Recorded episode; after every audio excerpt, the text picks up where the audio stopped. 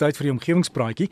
Ons gaan aansluit by professor Johan Heisel J van Noordwes Universiteit. Sy sê dit reën ook heerlik daar by hulle. Is heel die naweek, so ek hoop die partytjies is groot en heerlik. Maar uh, wat gebeur met hierdie koelbly storie? Ons het soveel terugvoer gehad, professor. Goeiemôre. Goeiemôre Derek, môre al die omgewingsvriende.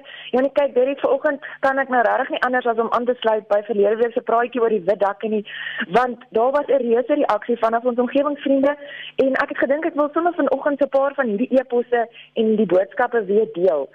So nou eerstens daar's verskeie persone wat beamoen het dat wit geverfde dakke die temperatuur binne die wonings verlaag en dat dit regtig 'n sinvolle oplossing is om wonings te verkoel tydens hierdie warm dae wat ons nou die afgelope tyd beleef het.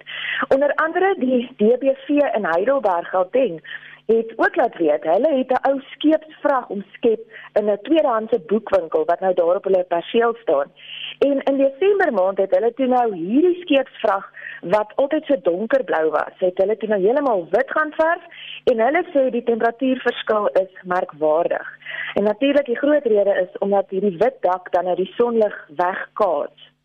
Maar dit kan natuurlik ook negatiewe gevolge hê, nê? So as 'n mens, soos nou een van ons luisteraars skryf, ehm um, Johanni van der Berg of van die Rand, skryf Hulle bure het so wit geverfde dak en hulle is glad nou nie ten gunste van hierdie bure se wit geverfde dak nie omdat hulle het nou self 'n dubbelverdieping woning met leefvertrekke wat uitkyk op hierdie wit geverfde plat dak van die bure.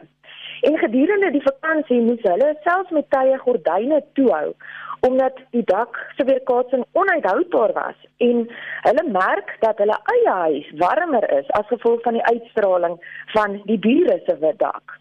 En dit is natuurlik heeltemal moontlik omdat die wit dak die sonlig maar ook die hitte wegkaats. So ek het ook in die week juis gekorrespondeer met professor Hannes van Wyk en hy is by die departement van plantkunde en dierkunde daar by die Universiteit van Stellenbosch. En soos hy ook sê as mens van kleur praat, moet jy altyd ook oor hitte uitreiling praat. So dit gaan nie net alleenlik oor die kleur van die dak nie, maar dit kan ook gaan oor die oppervlakte en die insulasie onder die oppervlak van die dak wat dan nou bepaal of die sonlig geabsorbeer word in die materiaal en dan of dit nou weggekaats word vanaf die dak. So 'n ander tipe dak wat dan nou in hierdie geval 'n beter opsie sou wees, is groen dakke. Iets waaroor ek dan vanoggend ook bietjie verder wil gesels. Nou groen dakke verwys nou glad nou nie na die kleur van die verf nie, maar groen dakke is dakke wat bedek word met 'n laag grond wat dan plante groei toelaat. So dis ideaal vir 'n een eenvoudige grasperk of blomme of 'n groentetuin bo op die dak.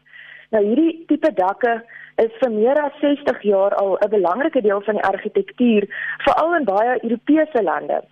En hierdie dakke is bekend dat hulle 'n super insulator is, so wat in die somermaande 'n verkoelingsfunksie verrig, maar dan in die wintermaande ook die warmte van die huis kan binnehou. Natuurlik is groen dakke baie meer ingewikkeld as 'n wit geverfde dak, omdat 'n mens maar baie seker moet weet watse plante op die dak geplant word en of die plante sal kan aard in die spesifieke klimaat van die betrokke stad of die dorp en hoeveel water hierdie plante benodig en dan natuurlik of die dakstruktuur hierdie grond en die water en die plante sal kan dra.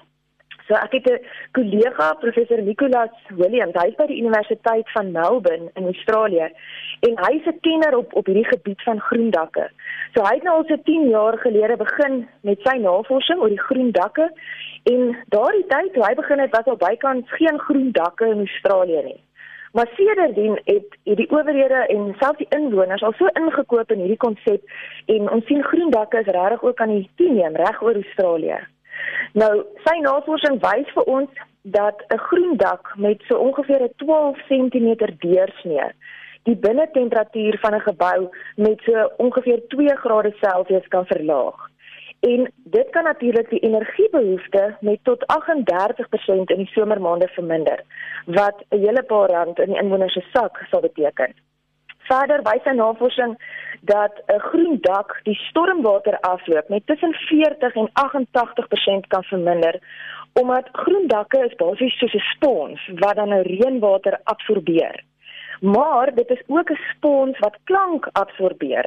So die navorsing wys dat die die plantmateriaal en die grondmengsel klank absorbeer en dit dan nou ook help om geraasbesoedeling te verminder. So Derek, as mens nou kyk na al die onbenutte dakke in ons land, beteken dit eintlik ons het 'n enorme potensiaal om hierdie onbenutte dakoppervlaktes te omskep in groen areas wat die kwaliteit en die biodiversiteit veral ook in ons stede merkwaardig kan verhoog.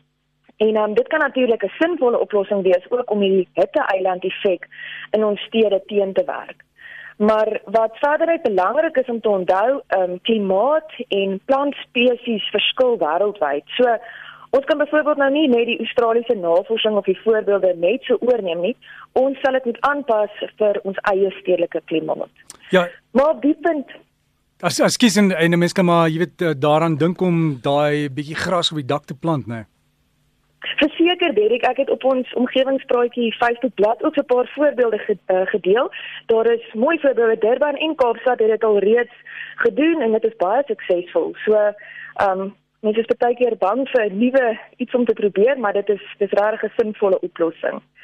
En op die punt dat groen gedagte, groen dakke bied regtig 'n omgewingsvriendelike en energie-effektiewe oplossing om die temperatuur binne huis te beheer, maar terselfdertyd kan dit ook vir ons 'n antwoord wees vir geraasbesoedeling en natuurlik die estetika van ons geboude gebiede. Hy professor baie voorspoedige naweek daar en sterkte met die joel, dit gaan besig wees daar by julle. Baie dankie Derek. Ja, kyk, dis jolig ten spyte van die reën, ehm um, die studente gaan voort en ons sien uit na hulle joel optogte. Ek het gehoor die gesels het oor die lotto geld. Joel gaan natuurlik 'n reuse bedrag in elke jaar vir liefdadigheid. So dit is goeie werk waarmee die studente ook besig is so deur die reën. So die boodskap is as jy gaan skenk, moenie suiwig wees nie. Ja, asseblief. Die studente het hard gewerk en hard gejoel. So almal wat naby Potchefstroom is kom maak 'n draai. So gesels ons saam met professor Johan Heiselje van Noordwes Universiteit. As jy wil kontak maak, daar is 'n e-posadres. Dalk het jy 'n idee oor iets waaroor ons kan gesels of 'n navraag.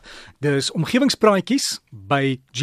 omgewingspraatjies@gmail.com. omgewingspraatjies@gmail.com. Daar's ook die Facebook bladsy met al daai foto's op van daai groen dakke met die gras en goed op. En dis omgewingspraatjies. Gaan soek dit op uh, Facebook. Hou van die groep en dan kan jy ook daar jou inligting plaas.